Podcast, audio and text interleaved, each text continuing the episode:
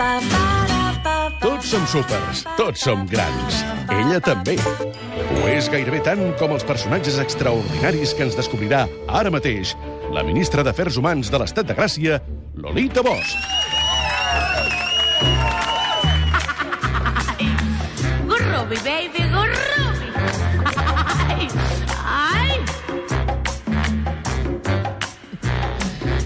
burro, eh? Ai, que... Ets Està, burro. està obert el micro, eh? Està obert, però Ah. mira, us que diré que és, és molt bona gent, el Roger de Gràcia. És una cosa que fa temps que volia dir, ho dic molt en privat. Eh, Què tal el Roger de Gràcia? Em pregunten, és tan graciós? Dic, bueno, no, no és tan graciós, però és molt bon tio, hòstia. és bon tio. I de tant en tant, pues, Sí, fa tonteries. fa tonteries i tal, però... Venga, hombre, para arriba, Lolita, venga. Que sales, sales al campo. Venga, que tienes que hablar de Caterina Albert, hombre. Escalfant a la banda. Venga, hombre, tía, allà fent És bon tio, és bon tio. Sí, sí. Benvinguda. és- Hola, què tal? Hola, què tal? Com estàs? Bé, com, com va tot, Lolita? Ahir va, va, fa dies et vam veure que et feien una entrevista i bé, molt bé, parles de coses molt interessants. A quina entrevista? No ho sé, jo què sé, dic coses Dic, per dir sí, jo coses. també en dic coses per dir-les. Estàs bé, eh? en general? Estic molt bé, molt bé, molt No bé. treguis les ulleres, no treguis les Ah, és ulleres. que pensava que tenia temps de parlar de mi. No. bueno, anava a començar. Mira, la meva filla, precisament... No, no tant, no, no. no. Poso No, les ulleres. general, estic molt bé, estic molt, bé. molt, soc una dona molt feliç i tot Perfecte, em va molt bé. perfecte. No em puc queixar de res. S'ha tornat a posar les ulleres. Eh, però Això no. vol dir que ja estem disposats a parlar de Caterina Albert, que tu tens una relació especial amb Caterina sí. Albert. Jo tinc una relació molt especial amb molta gent, misteriosament, també t'he de dir. O sigui, hi ha molts llocs no em sento casa, hi ha molts, molta gent que considero meva, que no els he vist mai. Sí. No Digue-li sé si Caterina ho Albert, saben. Exacte, digue-li, no digue posa-li una orden d'alejamiento. Exacte, mica? allà estem. Però la Caterina Albert eh, és una mica meva, diguéssim. Per dues raons. Mira, quan jo era petita, uh, vivia... Jo vaig créixer al Bons, que és el millor poble del món, al Sí. costat d'un poble que està bé, que es diu l'Escala. Oh! I llavors... Bueno, el Bons destaca molt perquè és un poble... Amb... El Bons, perdona, eh? Molt- si, no, si ara comences a vacilar, tinc tema. El, eh, és el primer lloc de Catalunya on es va registrar una sardana. No ens honora, però tenim una plaqueta. D'acord, Fem el millor arròs de carnaval. correcte.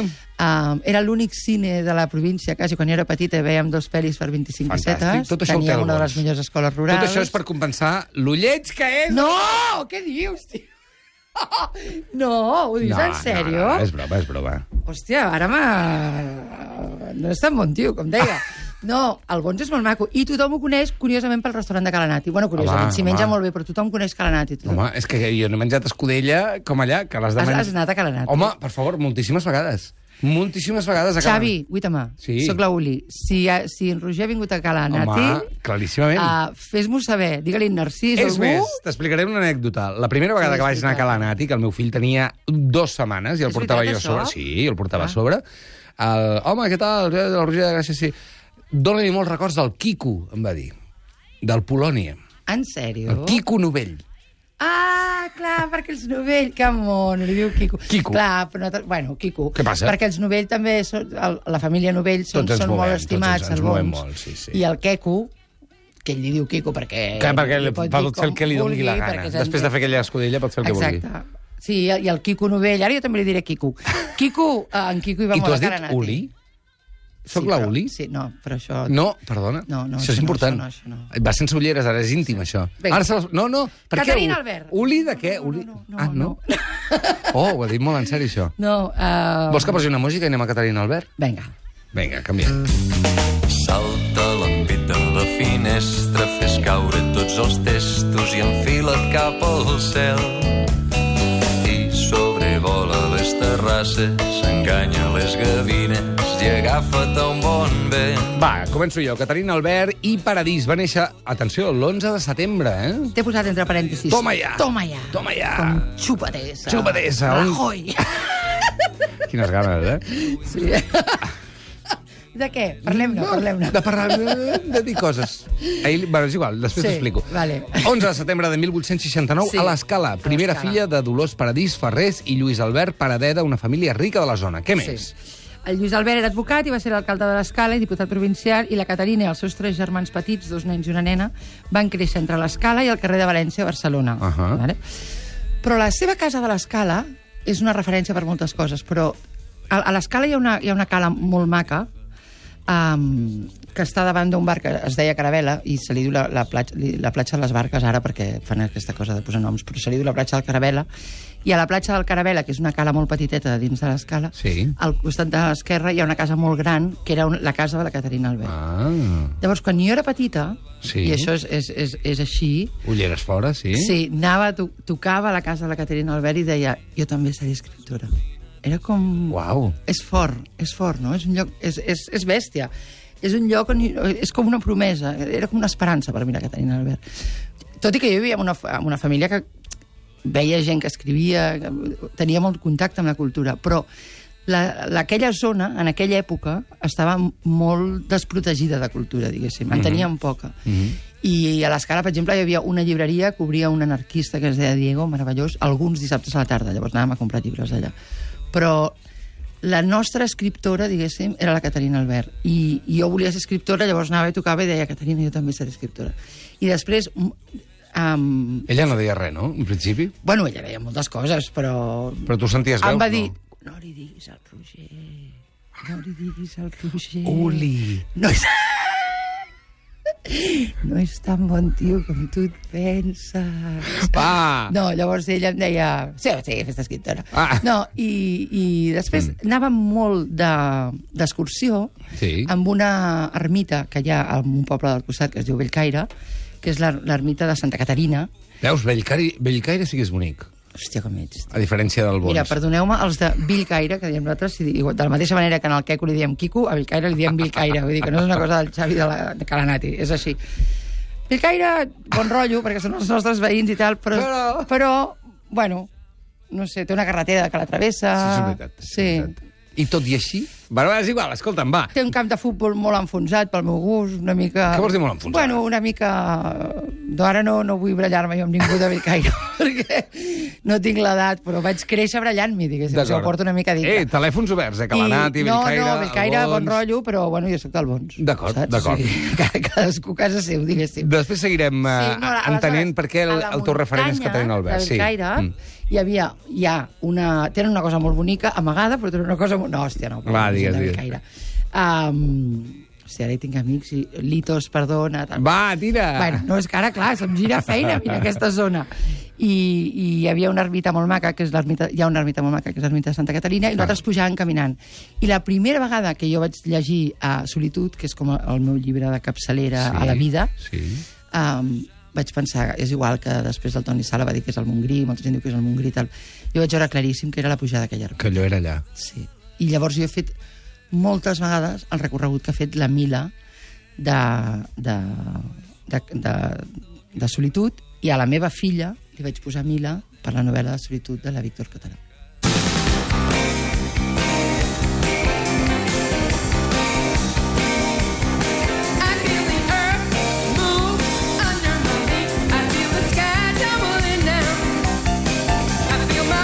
Caterina Albert, després Víctor Català. Va ser... T'he de fer una petita postdata, que és que al Bons i Bellcaire ens enfrontàvem fins a cert punt. Ens enfrontàvem de veritat, de veritat, amb els que veníeu de Barcelona. Home, amb clar. això ens ajuntàvem. Clar. Vale, vull dir que- L'enemic comú. Sí, vull dir que el Lorito, que sé que quan ens hem d'ajuntar, ens ajuntem. Eh, fills? Molt bé.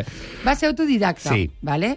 i sempre ella deia que havia estat molt influenciada per la seva àvia materna i la seva mare. Um, això ho explica en una carta. No va estudiar molt perquè era la gran, això eh, és entrecomillat, com que era la gran no la van ajudar a estudiar molt i per no deixar sols els majors delicats de salut, perquè així com escrivia cartes, escrivia novel·les ella. Tot i així van uns mesos a l'escola de, de l'escala, molt pocs, quan tenia 4 anys, no em va guardar cap bon record és curiós, perquè és, era, és, és, és un lloc agradable per anar a l'escola, però bueno. I després de gran la van internar a les monges de Girona durant un any i va aprendre francès i piano. Bueno, una mica allò que es deia abans de les educaven per casar-se. Ja. No? Passa que ella tenia molt caràcter i tenia molt poc interès amb el tema parelles, no? Uh -huh. No era només escriptora, va ser, era, era artística de mena, diguéssim, pintava, tocava la flauta, el piano, esculpia, que a mi també m'hagués agradat molt, si hagués pogut triar Ahà. un altre art, m'hagués agradat esculpir, només escupo, no escupo. Una, anava a fer la Si broma, cal, dic, callo. I va i la fa sí? L'anaves a fer? Sí. Tu, tu pots ficar-t'hi, eh? No, tranquil·la, tranquil·la. Sí, no, no, tu ah, val, val. Estàs, estàs a casa teu. Vale. Va tenir mestres de pintura, tal, no sé què. I, bueno, llavors es va fer amiga del Joan Maragall i del Narcís Uller, Sí. i amb ells s'hi escrivia i s'atrevia a ser molt com era, diguéssim, i es guarda tota aquesta correspondència Uh -huh. i parla de coses que a casa no, no en podia parlar. Perquè passa una mica, um, li va passar una mica aquí, és una cosa que... Jo, bueno, jo sempre m'hi he...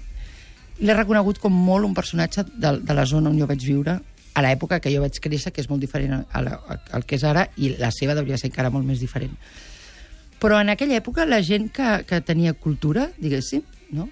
en aquella zona que no hi havia molt accés a la cultura, um, estaven una mica al marge. Mhm. no, no, mai ningú feia grans d'això perquè ell havia tingut accés a la cultura i tal, sinó que quan arribàvem al, al poble, i això jo recordo i suposo sempre que amb ella li hauria passar igual, Obviaves aquesta part. Sí, tothom era molt igual. No? Uh. -huh. Era igual, hi havia tres, a la, a la meva generació, tres van anar a la universitat. Pues, quan estaven al poble no hi havia cap diferència entre si havies anat a la universitat o no.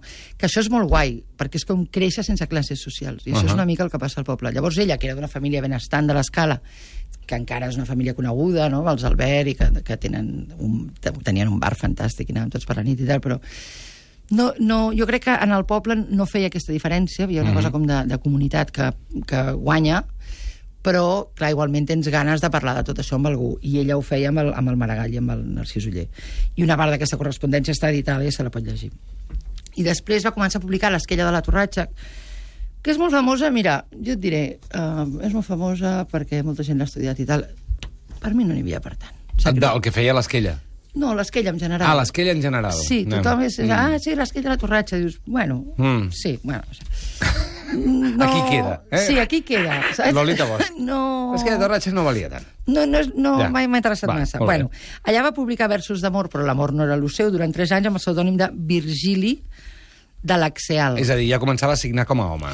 Començava a signar com a home, però no només començava a signar com a home perquè li molestava pe- pe- pel, pel fet de que sent una dona ho tenia més difícil, sinó que, és que clar, jo la, la, la, la, La sents molt. Sí, la sento molt. Sinó perquè el, el prejudici que hi havia no era només que com que hi havia una dona, com que era una dona, havia de signar com un home perquè no se sabés que era una tia Sí. publicant i perquè a casa seva no ho sabessin i tal, sinó perquè no es donés per fet d'entrada que era cursi. Ja. Ja. Això és una cosa que sempre li he admirat moltíssim. Ella va guanyar un concurs, una vegada amb el seu nom, i les crítiques que van sortir sempre eh, el, el que prevalia era que era una dona. Abans, o sigui, abans de ser escriptora era una dona. És a dir, jutjava, jutjaven l'obra amb el filtre de saber que era una dona. I això, que és molt injust... No ho volia ella ni de broma. Ni nosaltres, diguéssim. Clar, no? clar, I és clar. una cosa que encara passa una mica de...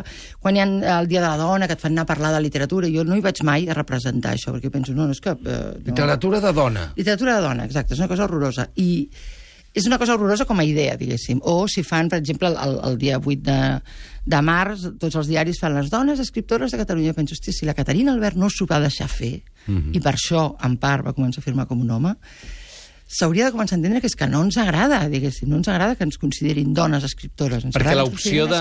Perdona, eh? L'opció de batallar i signar com a dona, però tot i així reivindicar que els altres no la jutgin com a dona, És impossible, perquè el, el, el que fa la crítica té tants prejudicis. i té automatismes. té automatismes, té prejudicis i després pues, ha de, no, ho destaca com si fos un fet de...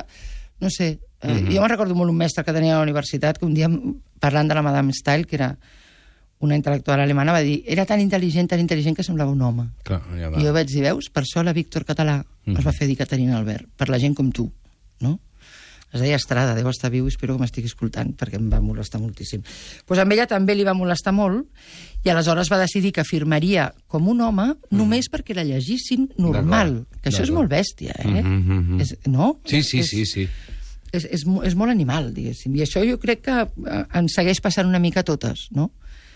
No firmem com a homes, però, però, però bueno, Tu creus que però- encara a dia d'avui llegim, quan llegim un dona, Sí. tenim el prejudici de que és dona, sí? No, seguríssim. Si tu comptes quantes dones has llegit aquest any i quants homes, guanyen els homes. O sigui, per defecte llegim homes. Si no, Fins i si... tot les dones vols dir? Sí, bueno, les dones que són feministes com jo, mm, potser menys, però... No, també, jo crec que si, o sigui, si, no, si, no, si no ho decideixes, llegeixes homes, per defecte. O sigui, jo, per exemple, tinc al- alumnes que em diuen no, jo aquest any he decidit només llegir ties. Però com per posar-me per, per igualar-ho, diguéssim. Però hem llegit Hòstia, no hi havia pensat mai, Ja, eh? és molt un rotllo. Hem llegit moltíssimes més homes, moltíssims, moltíssims més homes que dones. O sigui, si tu dius els teus referents literaris de dona, en diries Sí, una, Clar, però... mm, que és clar. la Víctor Català. Sí, d'acord, No, és que és fort, eh? Ja, ja, però si em dius de literatura contemporània, si em dius de clàssics, entenc que l'accés de la dona a la literatura sempre ha estat més complicat, etc etc. I sempre... de literatura contemporània també, si tu em dius Tu 10 creus? autors que estàs llegint, et sortiran dos ties, sí. I a més et sortiran dos ties i, i, i anglosaxones, diguéssim, sí. sí. No et sortiran dos dones catalanes que estàs llegint ara. Sí, ho he de no, pensar, eh? no, no, és així.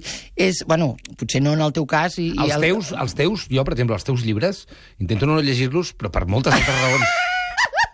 No perquè siguis dona, per raons que ara no, No. ara no tenim temps de dir, No. però... Però a part dels teus, jo diria que no tinc cap altre prejudici. Posa música, va. C'est si bon de partir n'importe où, bras dessus, bras dessous, en chantant des chansons.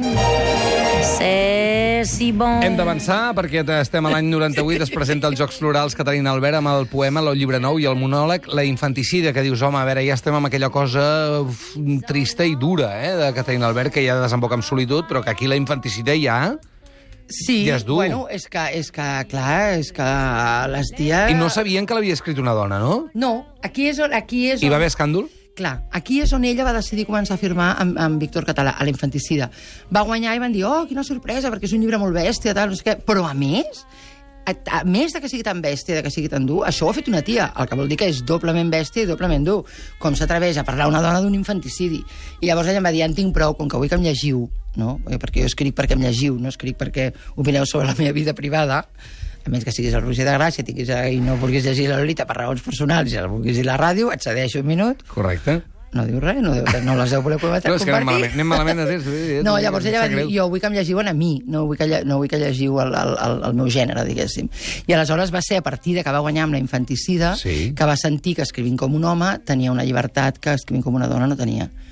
Podia haver publicat amb el, nom, amb el seu nom, ara sempre, hagués estat llegida amb aquest prejudici, sobretot... I des de llavors va signar com a Víctor Català? sí.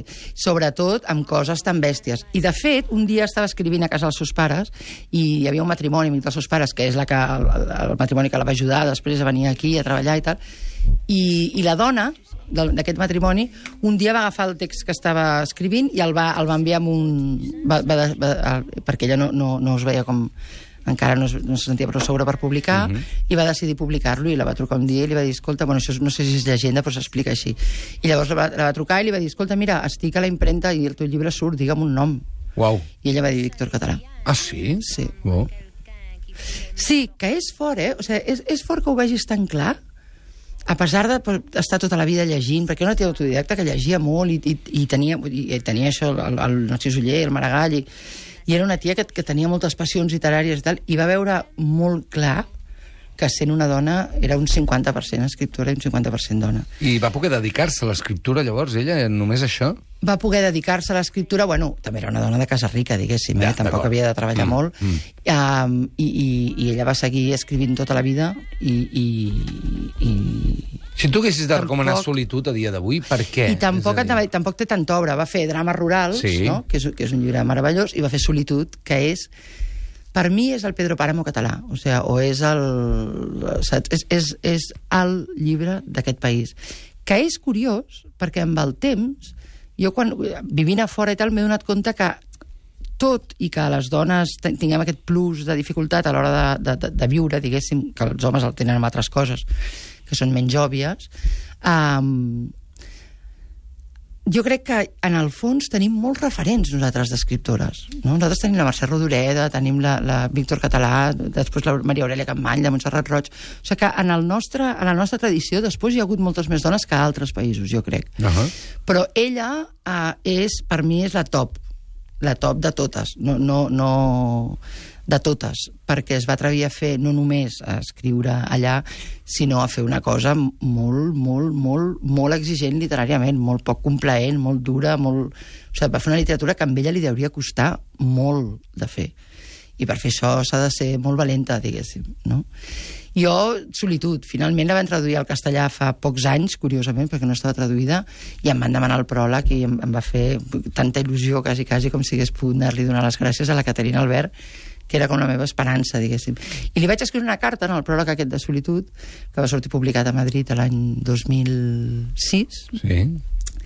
explicant-li que davant de casa seva es fa una tradició, que és una cosa molt curiosa de l'escala, que un dia a l'any es tiren ànecs vius al mar Mhm. i llavors la gent es tira al mar nedant, agafa l'ànec i l'ànec que agafes aquell dia el cuines i te'l menges, no? Li dones una oportunitat i li dius, ah, igual t'escapes. Doncs pues no. No, no s'escapa ni l'olla no, sí, no, no, no. I, i, I llavors tu vas dient, corre, agafa'l, agafa'l, agafa'l, i te'l fots per dinar, que és una cosa horrorosa. I jo, que sóc incapaç de veure un, un espectacle on es tortura un animal, penso, ho podria haver escrit ella. Això ho podria haver escrit ella. O sigui, aquesta capacitat per fixar-te amb el patiment de coses molt petites que la gent no veu, diguéssim, no? Si vius a pagès, el, el patiment dels animals el veus molt poc. I quan estem allà parades a la platja, jo mai he entrat a caçar un ànec i ho he vist dos o tres vegades perquè em fa patir molt, quan, quan estàs allà, i mai me l'he menjat, t'he de dir, que mai me l'he menjat, però penso, hòstia, això ho podria haver escrit ella, no? això que es fa davant de casa seva, aquí, perquè ens obliga a tots a parar-nos un moment i pensar, encara que te'l mengis, per un moment penses, hòstia, pobre ànec, tio, saps? I això és molt difícil que passi a pagès, perquè a pagès tens una relació molt pràctica amb els animals. I sempre he pensat, bueno, jo això ho puc mirar-ho perquè podria haver estat un conte de la, de la Víctor Català. Vinc d'un poble vora el mar que banya els seus amors en una platja sense arena. Vinc d'allà on tothom es somriu, d'allà on tothom sempre diu el sol cura la pena. Lolita Bosch, avui parlant-nos de Caterina Albert. O sigui, millor binomi impossible. Eh, Bueno, no, no, jo... jo, jo sí. de- de- Tant, tant et dic una cosa, que no llegeixo els teus llibres, com et dic, Com ets, com te digo com et otra. dic això altre. Una de les dues coses és mentida. Que ho sàpigues. Em llegeix. O sigui que no soc, no soc, no estic a l'alçada de la Caterina. Sí. Mai ho he intentat. No, de veritat és una persona que respecto profundament. Ens separen 101 anys i 4 quilòmetres, però és, és l'única paret que jo he tingut a la vida per anar a dir jo, jo, jo seré tu. Lolita, moltes gràcies. A tu, Caterina.